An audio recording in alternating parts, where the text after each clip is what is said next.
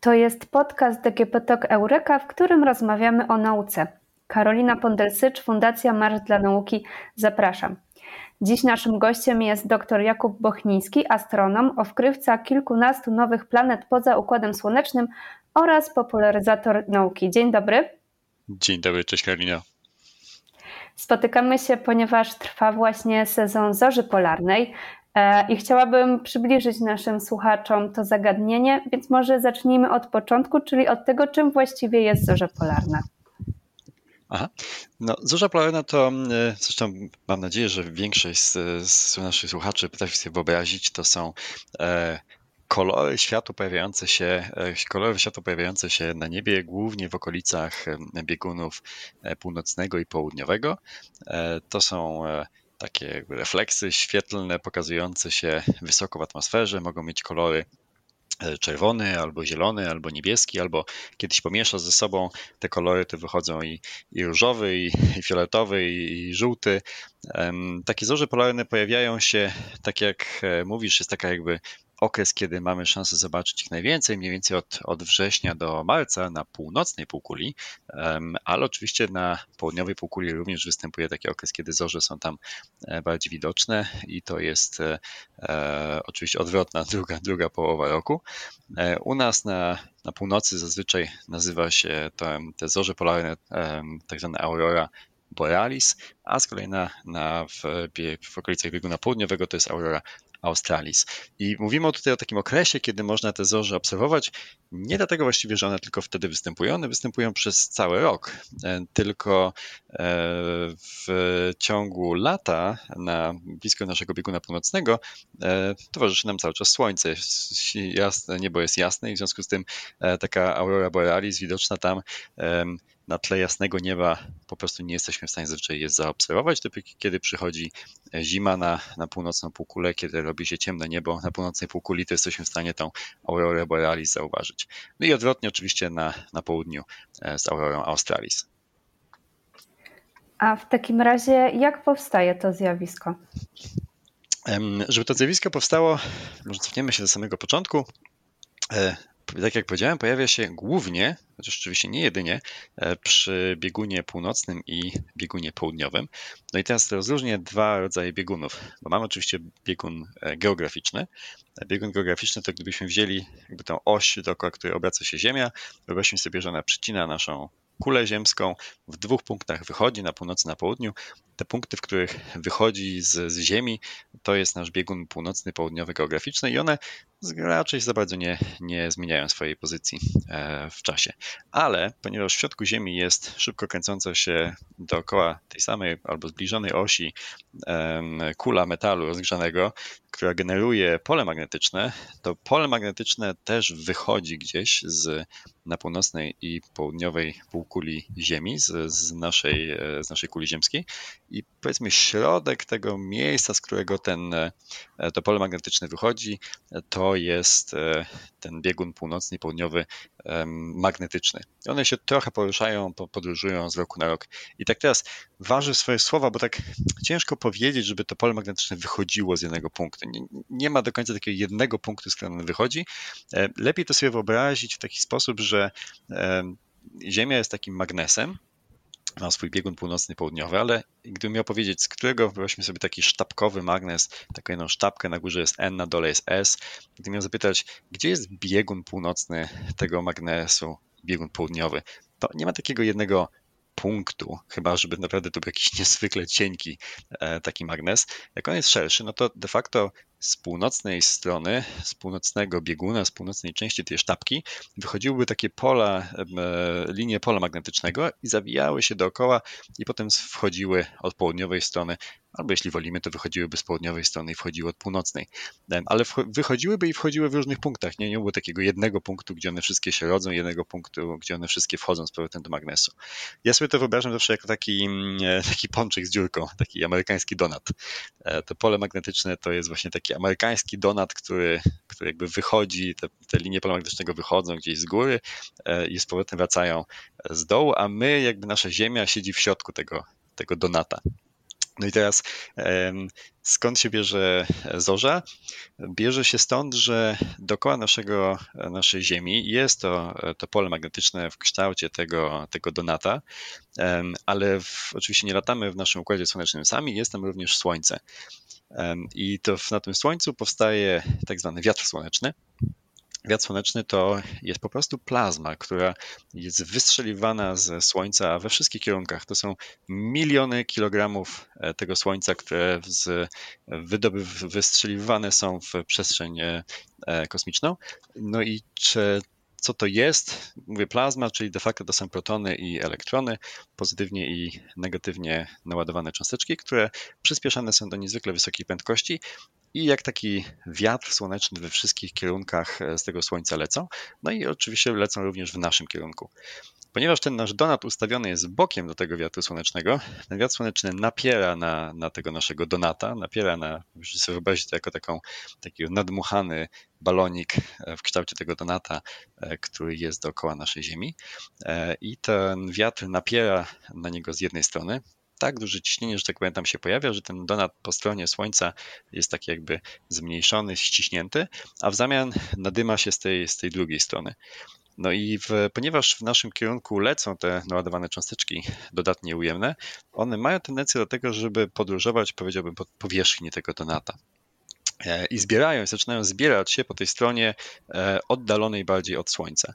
I co jakiś czas nadchodzi taki moment, kiedy już tak dużo tego, e, tego pola magnetycznego, tak dużo tych linii pola magnetycznego zostało przepchnięte na drugą stronę, że one czasami pękają i nagle cała ta długa, nazbierana tam ilość, przez długi okres czasu nazbierana tam ogromna ilość tych naładowanych cząsteczek szybko wraca i wpada w te dziurki w tym donacie, na północnej, na południowej półkuli, na, na północnym, południowym biegunie magnetycznym i leci w stronę Ziemi. I kiedy te super szybko lecące, bardzo energetyczne cząsteczki wpadają w atmosferę Ziemi, to zderzają się tam z cząsteczkami e, po prostu powietrza.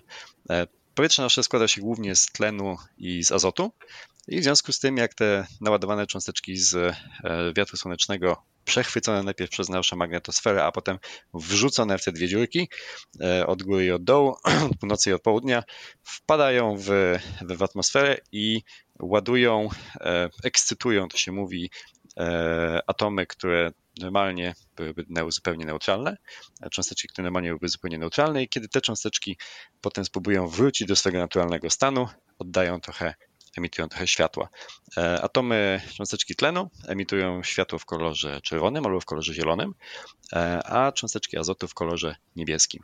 I tak jak wspomniałem wcześniej, te kolory oczywiście często występują obok siebie. Jeżeli mamy dużo tlenu i azotu jednocześnie, no to w, pojawia się kolor zarówno czerwony, zielony, jak i niebieski. One się ze sobą zaczynają mieszać, powstaje różowy i żółty i różne inne kolory. Bardzo obrazowo to opisałeś, ale chciałabym dodać jeszcze jedną rzecz e, i spytać o to, jaka jest rozpiętość tej zorzy, jak ona jest mhm. duża, żeby nasi słuchacze mogli sobie to lepiej wyobrazić. Tak, no to wyobraźmy sobie, że tak jak mówiłem o tym, o tym donacie, ten, ten donat może trochę rosnąć i maleć z czasem, w zależności od tego, jak bardzo aktywne jest e, Słońce. Są okresy, kiedy Słońce jest aktywniejsze, tej, tego wiatru słonecznego pojawia się więcej, wówczas on mocniej napiera na to nasze pole magnetyczne, to znaczy, że ten ten donat, te, te, te, linie pola magnetycznego dookoła się zmniejszają. A co to znaczy? To znaczy, że otwierają się te, te dziury w tym donacie na, na północnej i e, blisko północnego i południowego bieguna. Jeżeli ten napierający wiatr jest naprawdę silny, między innymi w trakcie w momentu, e, kiedy pojawiają się tak zwane koronalne wyrzuty masy, czyli po prostu e, są, czasami pojawiają się na, na Słońcu takie czarne plamy. Niektóre z tych czarnych plam skutkują tym, że w kierunku Ziemi może zostać wyrzucone naprawdę dużo plazmy jednocześnie. E, ta plazma napiera na to nasze pole magnetyczne, ten, ten donat staje się coraz mniejszy, te dziury otwierają się coraz bardziej. Wówczas te, te zorze polarne, taki krąg tych zórz polarnych, które otaczają biegun północny i biegun południowy, mogą stać się naprawdę ogromne. W przeszłości zdarzało się, że wówczas takie zorze polarne mogły ciągnąć się na, na przestrzeni tysięcy kilometrów, sięgać aż do Meksyku do Florydy, więc no prawie po prostu do, do równika. Kiedy ja się rodziłem w 1989 roku, miała miejsce jedna z takich właśnie największych tego rodzaju wydarzeń, takich zjawisk, kiedy rzeczywiście obserwowano zorze polarne w nocy właśnie na, na Florydzie czy, czy w Meksyku. Większość czasu nie docierają aż tak daleko. Większość czasu mówimy o, o takich kręgach, e, które rozciągają się cały czas na, na setki lub tysiące kilometrów, e, ale tylko i wyłącznie dookoła koł kół podbiegunowych, więc zazwyczaj możemy obserwować takie, takie zorze z okolic e, na północy Norwegii czy Finlandii, Kanady, Stanów Zjednoczonych. W, I rozciągają Czyli się, tak jak wspominałem, na, nie... tak, tak, mhm. W Polsce się również zdarzają, tak jak wspomniałem, no, ponieważ mogą dochodzić prawie do równika, to w Polsce też się zdarzają, ale to tylko i wyłącznie w ramach takich, e, powiedziałbym, nietypowych nocy, e, jeżeli akurat jakieś niesamowite zjawisko dzieje się, ma miejsce na, na Słońcu. A czy, żeby obserwować zorzę polarną, czy potrzebujemy jakiegoś specjalistycznego sprzętu? Powiedziałbym zazwyczaj e, nie. To zależy od tego, co byśmy chcieli e, zrobić. Większość czasu, e, jeżeli zorza polarna jest widoczna w, w wyraźny sposób, wystarczy stanąć się, się jej przyglądać. To jest zjawisko, które, tak jak wspomniałem wcześniej, rozciąga się na przestrzeni setek, czasami tysięcy kilometrów, więc e, przyglądając się mu z Ziemi, nawet ciężko czasami byłoby uchwycić je e, całe, oglądając je tylko i wyłącznie z wykorzystaniem jakiegoś teleskopu czy lornetki. E, co lubią robić często, w szczególności astrofotografowie, to ustawić aparat na, na statywie i rozpocząć długie naświetlanie, po, po to, żeby złapać taką, taką zorzę mieniącą się na niebie. Czasami, kiedy zorza jest bardzo słabo widoczna, to może być świetny sposób, sposób na złapanie takiej, takiej zorzy. Nasze oczy wówczas nie są dostatecznie czułe, żeby wychwycić światło zorzy. Można wówczas przy bardzo długim czasie naświetlania zauważyć słabo widoczne zorze w, właśnie w obiektywie e, aparatu. W przypadku takiej zorzy, która jest widoczna gołym okiem, e, to jest też do zrobienia. Wówczas można skorzystać z aparatów, które są świetne do robienia zdjęć w nocy. Jest kilka takich, nie będę może konkretnych marek i modeli wspominał, ale jest, są takie lustrzanki, które mają specjalne, e, specjalnie dobre lub znane są z e, prowadzenia właśnie fotografowania w sytuacji z małą ilością światła. A czy to zjawisko występuje tylko na Ziemi, czy też w innych miejscach w Układzie Słonecznym?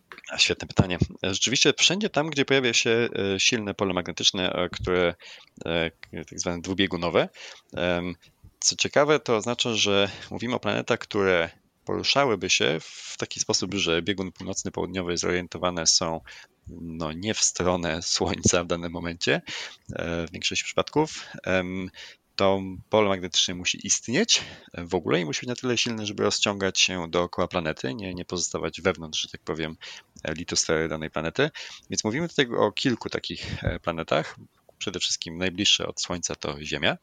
E, Merkury, Wenus nie mają takich, takich złóż i następnie e, gigantyczne, wielkie planety gazowe, w Układzie Słonecznym, czyli Jowisz, Saturn, Neptun, Uran, e, można zobaczyć dookoła na przybiegunach znowu magnetycznych, północnych, południowych e, tych gazowych gigantów e, zorze mieniące się tam właściwie prawie że cały czas. W innych układach słonecznych również takie zorze spodziewamy się, że uda nam się kiedyś zaobserwować. Z tego co wiem, na dziś jeszcze nam się takich zórz nie udało w przypadku egzoplanet obserwować. Korzystając z okazji, że udało nam się spotkać, to chciałabym zboczyć teraz trochę z tematu e, zorzy polarnej, ale nadal pozostaniemy w tematach kosmicznych. Odkryłeś kilkanaście nowych planet poza Układem Słonecznym. Jakie to były obiekty? Um, bardzo um, nietypowe. Um, ja się mam takie, taką dziwną specjalizację. E, poszukuję planet, które poszukiwałem, poszukuję planet, które są w różny sposób niszczone przez swoje gwiazdy. Miałem taką specjalizację, że zajmowałem się poszukiwaniem niezwykle gorących planet. Część z nich to były e, planety, które są na tyle blisko swojego Słońca, że są na przykład gazowe giganty, które zbłądziły zbyt blisko swojego Słońca, w związku z tym niezwykle mocno się nagrzały, e, do tego stopnia, że nadeły się, ten, ta ich gazowa powłoka rozdeła się tak mocno, że częściowo ten gaz jest już poza sferą, jest bliżej już, że tak powiem, e, bliżej mu do jej gwiazdy niż do planety. Siła grawitacji gwiazdy bardziej bardziej pociąga ten, ten gaz niż e, siła grawitacji planety. I w związku z tym ten gaz zaczyna uciekać, tak jakby trochę z takiego, że sobie wyobrazić, taki gazowy gigant to jest taki balon, jakby ktoś go po prostu przekuł i w jednym miejscu z, z tego balona ucieka gaz e, i zamiast spadać z powrotem na planetę, zamiast wracać na planetę, to spada na, na swoje Słońce. E, i to Słońce po prostu wysysa ten gaz z tej planety i będzie to robiło jeszcze przez najbliższe tysiące lat w niektórych przypadkach miliony lat, po którym to czasie planeta skurczy się, zmniejszy i najprawdopodobniej w ogóle zostanie zaabsorbowana przez, przez, swoje, przez swoją gwiazdę. Pracowałem też na, przy planetach e, małych, takich nawet mniejszych od naszej Ziemi, gdzie z kolei, które znowu znajdowały się tak blisko swojego Słońca, że podgrzewane były do, do takiego stopnia, gdzie cała powierzchnia takiej planety była roztopiona. To był jeden wielki ocean lawy. E, I ta lawa wręcz sublimowała i z, planeta otoczona była jedną wielką chmurą pyłu, który rozciągał się na e, setki tysięcy kilometrów e, więc to była taka planeta, ale zachowywała się trochę jak kometa. Była tak bliska swojego Słońca, że jeden rok na takiej planecie to zaledwie kilkanaście godzin. Ta planeta, ja opisywałem to trochę tak, że ta planeta właściwie surfuje w zewnętrznych warstwach swojej gwiazdy, powoli będąc pożeranym przez nią, pożeraną przez nią. I zaledwie w ciągu pewnie kilku tysięcy lat e, taka planeta, jedna z tych, przy których ja pracowałem, e, zostanie przez swoją e, gwiazdę zupełnie w 100% jakby zjedzona. Przy samych takich nietypowych mhm. planetach pracowałem. A w jaki sposób odkryć nową planetę? Jak wyglądają takie badania? Jest kilka głównych metod, z których obecnie korzystamy, szukając e, e, nowych planet. Ja pracowałem metodą tak zwaną zaćmieniową, czyli e, szukaliśmy, przyglądaliśmy się milionom gwiazd w, na niebie. Mieliśmy ustawione kilka zautomatyzowanych teleskopów na północnej i południowej półkuli Ziemi i teleskopy przeczesywały całe nocne niebo, każdej nocy. Wyłapywały dziesiątki milionów gwiazd na tym niebie e, i następnie porównywały, mierzyły ich jasność. I robiły to co 7 minut. Co 7 minut takie teleskopy szybko skanowały jakby całe niebo, zapisywały takie zdjęcie wszystkich gwiazd na, na niebie nocnym, oczywiście na dziennym by się nie dało. I potem mieliśmy taki software, mieliśmy takie oprogramowanie, które wyciągało z tych gigantycznych zdjęć e, jasność tych milionów gwiazd. E, I program był tak napisany, że sam automatycznie sprawdzał, czy któraś z tych gwiazd w podejrzany sposób w naszym kierunku nie mruga. A mówię mruga z tego względu, że gdyby tak się zdarzyło gdzieś w kosmosie, że jest sobie Słońce i jakieś, jakaś gwiazda, i lata dookoła tej gwiazdy planeta. I ta planeta akurat tak jest ustawiona, że co jakiś czas e, rzucałaby cień w kierunku Ziemi, co my obserwowalibyśmy jako gwiazdę, która co jakiś czas staje się troszeczkę mniej jasna. I przez to, troszeczkę mniej jasna mam na myśli na poziomie na przykład jednej tysięcznej albo jedno dziesięciotysięcznej mniej jasna e, to i zdarzałoby się to bardzo regularnie, na przykład dokładnie co 3 dni, albo dokładnie co 30 dni, albo w przypadku naszej Ziemi dokładnie co 365 dni e, i 1 czwarta, to by oznaczało, że jest potencjalnie tam taka planeta, która ten cień w kierunku Ziemi e, rzuca. Więc przeglądaliśmy te dziesiątki milionów gwiazd na niebie i mieliśmy takie automatyczne programowanie, które e, przeszukiwało te wszystkie gwiazdy w poszukiwaniu takich, które mrugają w naszym kierunku, chociaż trochę.